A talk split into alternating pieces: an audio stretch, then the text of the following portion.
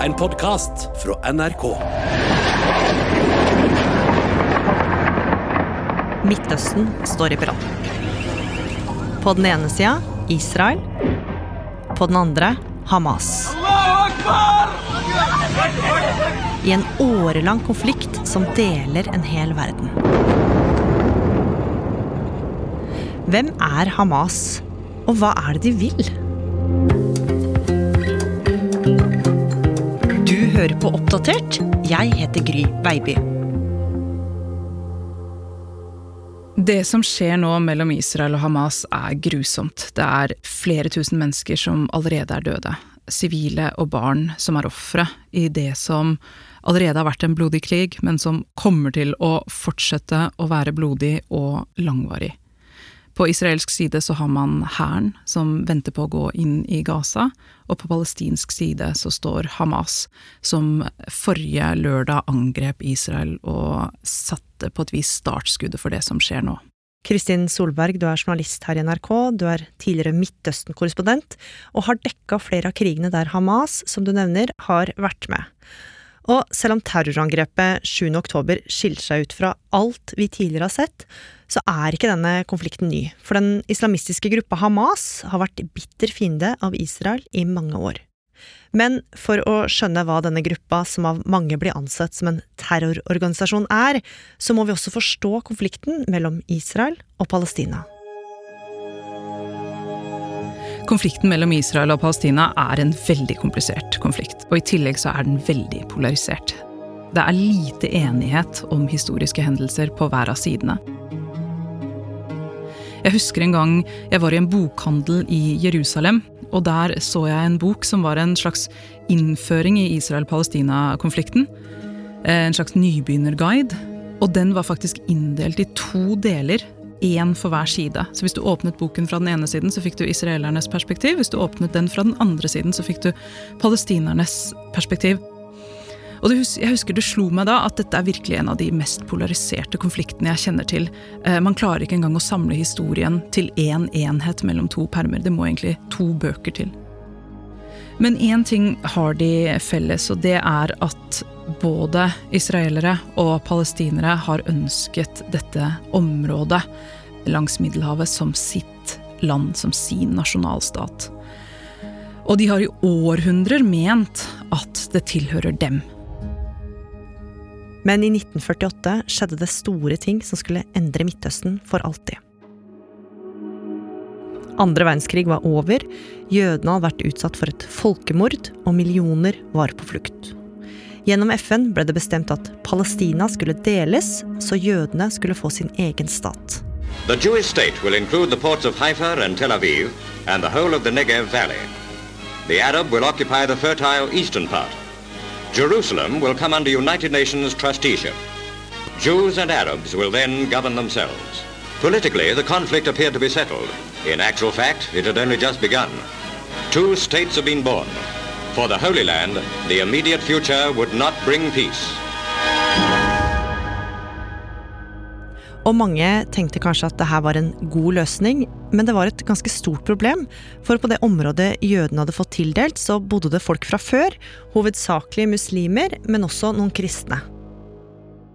Og mange ble nå rett og slett nødt til å rømme, Kristin. Det stemmer. Palestinerne kaller faktisk opprettelsen av Israel for al-Nakba, katastrofen. Så når israelerne feirer sin uavhengighetsdag, så markerer palestinerne dagen etterpå al-Nakba-dagen, katastrofen for dem. Og så mange som 750 000 palestinere flyktet eller forlot hjemmene sine i disse dagene, de flyktet til Gaza og Vestbredden, mange også til Jordan, til Libanon. Og mange palestinere følte jo da at uh, israelerne ikke bare hadde tatt seg til rette, men tatt noe som var deres. Så dette var jo et naboskap mellom Israel og de arabiske landene rundt som var svært bittert allerede fra begynnelsen. De neste åra var prega av uroligheter i området, og også en kortvarig krig. Og 19 år etter at staten Israel først hadde blitt oppretta, skulle det virkelig koke over. På morgenen en varm sommerdag i 1967, mens ørkensola stekte på himmelen, brøt ut krig på ny. Israel gikk til angrep på Egypt, og fort var flere land involvert. I løpet av seks dager ble araberne slått sønder og sammen. Det ble et knusende nederlag for Egypt, Syria og Jordan. I denne krigen så tok Israel kontroll over områder som de arabiske landene hadde hatt. Vestbredden, Golanhøyden, Øst-Jerusalem og Gaza. Og dette var jo da deler av områdene som var tiltenkt den nye palestinske staten. Og selv om det bare var en krig som varte i seks dager, så skulle den få store konsekvenser, Kristin. Ja, den fikk store konsekvenser for hele regionen, og spesielt Israel-Palestina-konflikten. Det var jo et sviende nederlag for palestinerne. De levde nå under israelsk okkupasjon på Vestbredden, i Øst-Jerusalem og på Gazastripen. De måtte rette seg etter israelske regler og israelsk styre. Og alt dette førte jo til at håpløsheten, fortvilelsen og desperasjonen blant eh, palestinerne økte. Palestinere var desperate etter å endre situasjonen de befant seg i, og mange begynte nå å samle seg i ulike grupperinger og organisasjoner under den palestinske frigjøringsorganisasjonen PLO, og den største av dem var Fatah. Og mens deler av PLO etter hvert støtta en tostatsløsning, altså at Israel skulle få eksistere innenfor grensene de var gitt, så var det andre som mente at Israel ikke hadde livets rett. Og det var en gruppe som skilte seg ut fordi de var mer radikale enn de andre. Sintere, mindre pragmatiske, og de hadde mer tro på voldelig opprør som virkemiddel. De kalte seg Den islamske motstandsbevegelsen. På arabisk så har det akronymet Hamas. Og gjennom sitt charter fra 1988 så står Hamas prinsipielt på at staten Israel må opphøre å eksistere.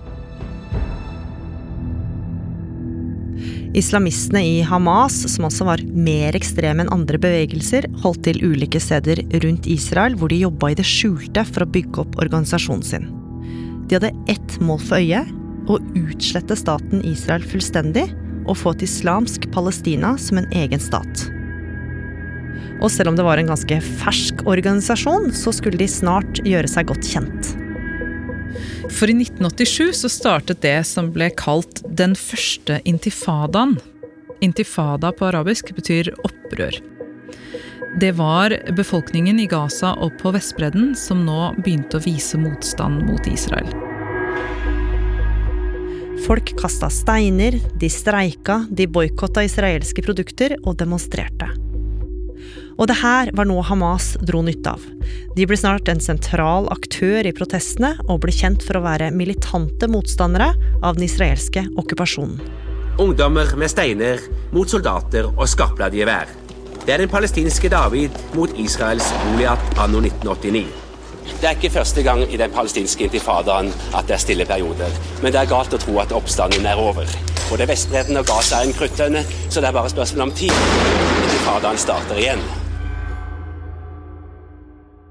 Men opprøret, som varte i fire år, gikk ikke Hamas vei. Palestina ble ikke uavhengig, og Gaza og Vestbredden forble i Israels hender. Og i løpet av eh, opprøret så hadde Hamas også kommet i klinsj med andre palestinske bevegelser, som mente at Hamas var for ekstreme. Men det var likevel noen som skulle gi Hamas støtte, Kristin. Ja, og dette var noen som hadde samme fiende som Hamas, nemlig Iran. Og på et tidspunkt så begynte Iran å hjelpe Hamas med både økonomi, våpen og trening av soldater. Og også Saudi-Arabia og Qatar støttet Hamas. I tillegg så etablerte Hamas en allianse med Hizbollah i Libanon. Det var den væpnede og politiske gruppen som styrte Sør-Libanon. Som en rekke mektige aktører på laget jobba Hamas i all hemmelighet med å vokse seg større. Ja, og det er viktig å si at Hamas ikke bare er én ting, det er en bevegelse som er delt i mange ulike deler. De utviklet en politisk del, en militær del, Al-Qassam-brigaden, men parallelt med det så utviklet de også en sosial del som drev med veldedighet, noe som bidro til å gi dem støtte. Men alle hadde samme mål, nemlig å få bort Israel og få en uavhengig palestinsk stat. Hamas jobba hardt og strategisk for å legge planer som skulle ødelegge for Israel. Og de var hele tida redde for å bli oppdaga, for Israel overvåka både dem og andre palestinske grupper nøye. Spenningene i området var store, og mange israelere levde i daglig frykt for hva Hamas kunne finne på å gjøre. Det intense konfliktnivået hadde lenge skapt hodebry, og mange var rett og slett redde for at en ny storkrig kunne bryte ut i Midtøsten. Men en dag i 1993 skulle et spesielt håndtrykk få mange til å puste letta ut. Ja, for etter mange år med forhandlinger og diplomati der Norge var sentrale tilretteleggere, så hadde flere vestlige land klart å mekle mellom Israel og den palestinske frigjøringsorganisasjonen PLO. Welcome to this great occasion of history and hope. Today en solfylt dag i Washington DC holdt en stolt president Bill Clinton pressekonferanse med Israels statsminister Yitzhak Rabin og PLOs leder Yasir Arafat ved sin side. Today, the leadership of Israel and the Palestine Liberation Organization will sign a declaration of principles on interim Palestinian self-government. It charts a course toward reconciliation between two peoples who have both known the bitterness of exile. Clinton fortalte at de nå har signert en fredsbindende avtale der Israel og PLO nå skulle anerkjenne hverandre. Foran publikum og en hel verden som fylte med på TV-skjermene, tok da Israels statsminister og PLOs leder hverandre i hånden til full applaus.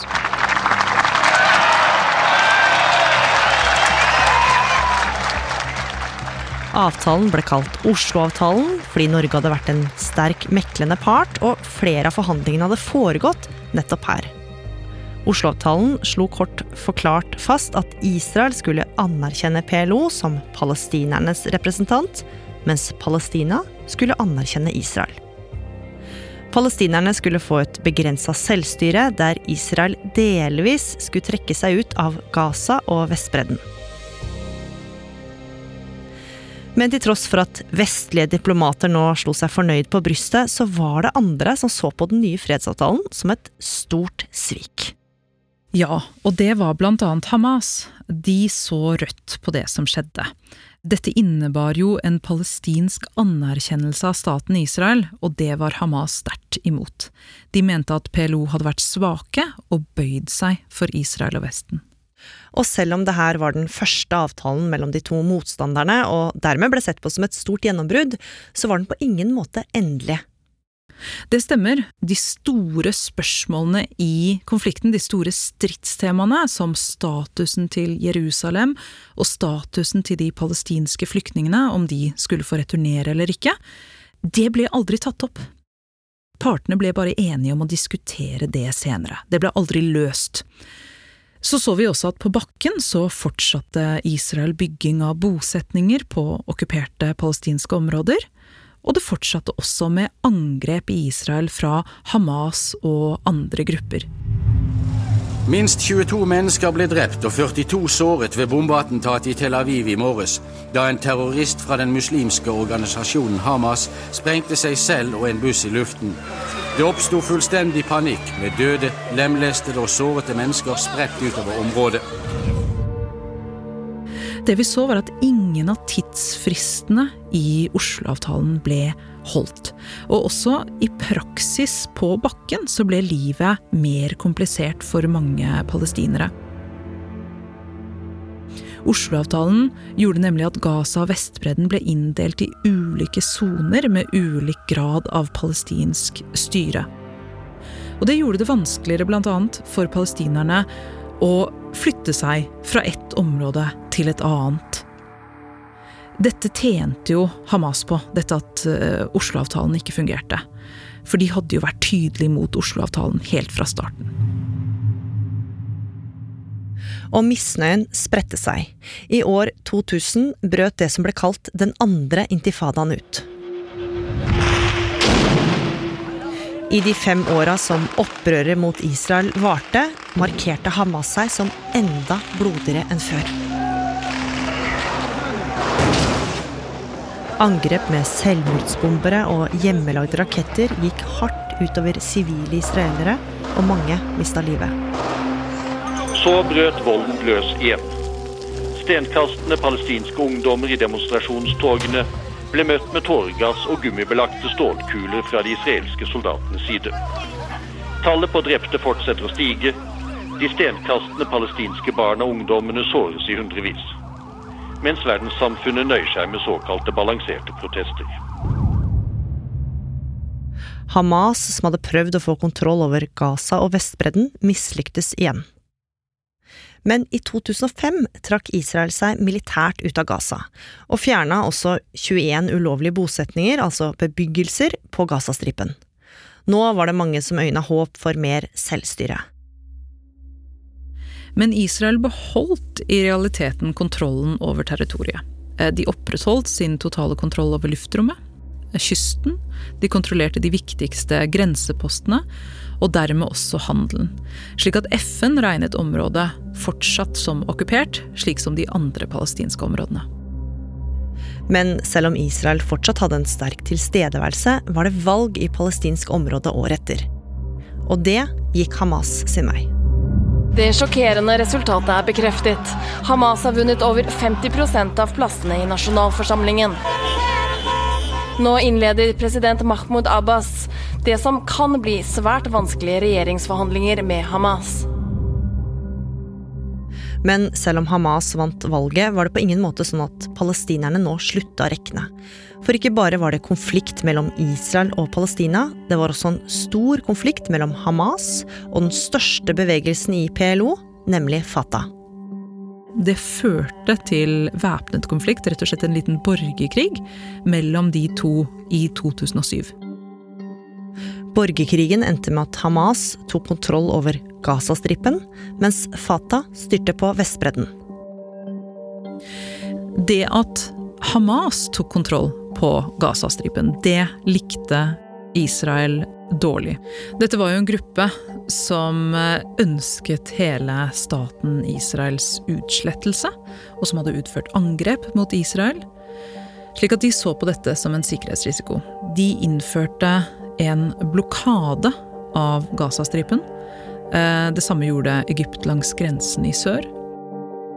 Ikke bare gjorde blokaden, altså kontrollen av varene som kom inn i Gaza, livet vanskelig for dem som bodde der. Hamas styrte også hele området med jernhånd. Hamas styrte området som en ettpartistat. Det har vært begrenset politisk frihet, begrenset ytringsfrihet. Når jeg har reist eh, og rapportert fra Gazastripen, så har det vært vanskelig for folk å komme med kritikk eller misnøye mot Hamas. Eh, det vet de at de kan få trøbbel for. Når det er sagt, så er det jo også en god del palestinere som støtter Hamas. Eh, jeg har ofte hørt på Gazastripen at ja, men de er jo det eneste som gjør noe i forhold til eh, Israel. De neste åra fortsatte Hamas å gjøre motstand mot Israel fra Gaza. Og mellom 2009 og 2023 var det hele fire kriger. Og frykten og lidelsen i Gaza var store. Og Kristin, du har vært i området mange ganger. Hva slags sted er Gaza? Det er jo et område som er et av verdens mest tettbefolkede områder. Det er på størrelse med Mjøsa, men har 2,2 millioner innbyggere. Og når det blir krig i et sånt område, så er det går det spesielt hardt utover sivile. Folk på Gazastripen har ikke noen bomberom. Hamas har underjordiske tunneler som de bruker, men eh, de blir ikke brukt av sivile for å beskytte seg mot, eh, mot den israelske hærens bomber. Og når jeg har vært på Gazastripen, så har jeg rapportert om, om mang en sivil familie som har blitt rammet og drept i, i bombeangrep.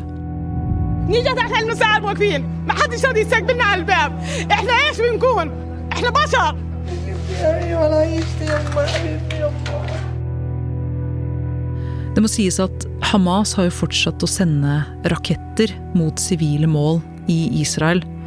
Og det har ofte ført da til disse konfliktene. Samtidig så er det viktig å si at den humanitære økonomiske situasjonen på Gazastripen er helt elendig. Folk der har ikke noe bevegelsesfrihet å snakke om. De kan slipper ikke ut av området. Det er stor fattigdom, stor arbeidsledighet, en av de høyeste arbeidsledighetene i verden. Eh, slik at den humanitære situasjonen gjør jo at misnøyen og fortvilelsen og håpløsheten som mange på Gazastripen føler, den bare øker og øker. Men i en ganske lang periode så kunne det virke som at Hamas ikke ønska krig med Israel. Ja, De siste årene så har vi jo sett tegn til et mer moderat og pragmatisk Hamas. I 2017 så presenterte Hamas sitt nye politiske program. Og i det opprinnelige programmet så krevde de jo eh, at staten Israel skulle utslettes. Men nå så åpnet de opp for en palestinsk stat side om side med Israel. Så det var en slags implisitt anerkjennelse av Israels eh, eksistens. Og de åpnet også for fredelig politisk motstand mot okkupasjonen. Men så blåste de jo selv alt det i fillebiter ved å angripe Israel forrige lørdag. I et overraskelsesangrep ble tusenvis av raketter fyrt av fra Gaza mot Israel. De angrep israelske styrker før de brøt seg gjennom sperringene til Israel.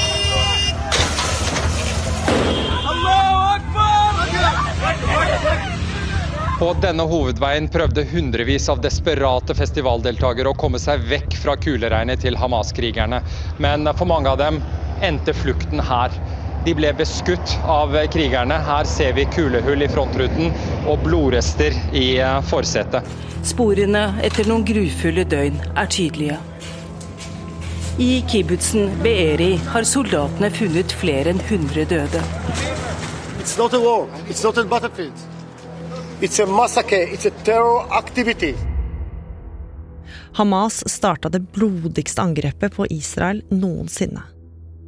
1300 israelere ble drept i terrorangrepet, flere av dem barn og ungdommer. Mange ble tatt som gisler, og tusenvis ble såra. Og Israel svarte med kraftig kost.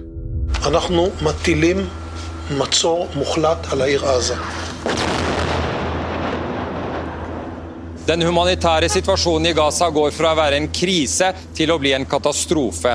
FN sier at Israel driver med kollektiv avstraffelse av over to millioner mennesker. Israel blir beskyldt for å drive med krigsforbrytelser inne på Gazastripen, mens Israel forsvarer beleiringen med å si at Hamas skal tas koste hva det koste vil.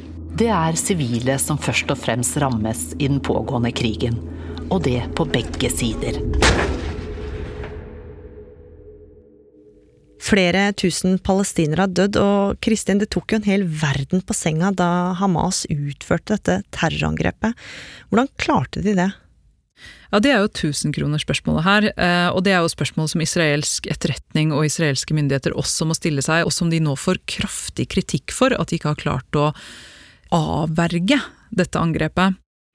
Hamas selv sier jo at har eh, at målsetningen har vært å ta gisler for å få frigjort eh, palestinske fanger i bytte mot disse gislene. De sier også at vi dør likevel, det er bedre å ta okkupasjonsmakten ned med oss enn å dø sakte.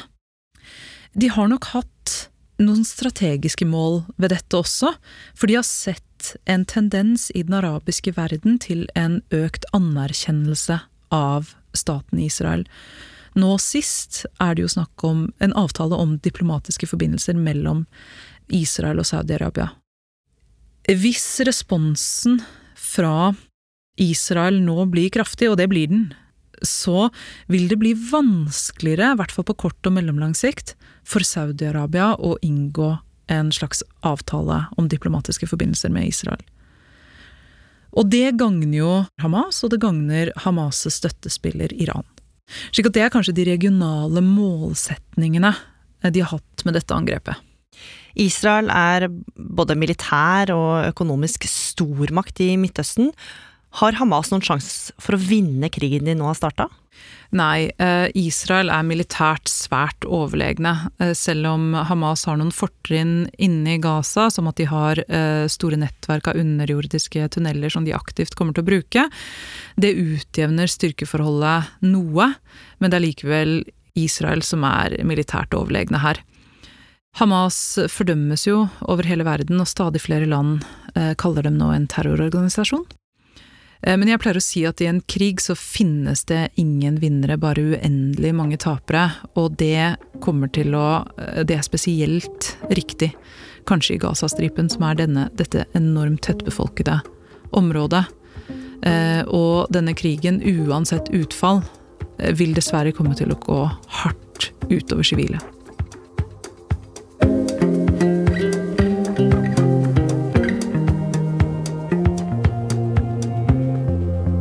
Oppdatert er en podkast fra NRK Nyheter, og denne episoden den er laga av oss.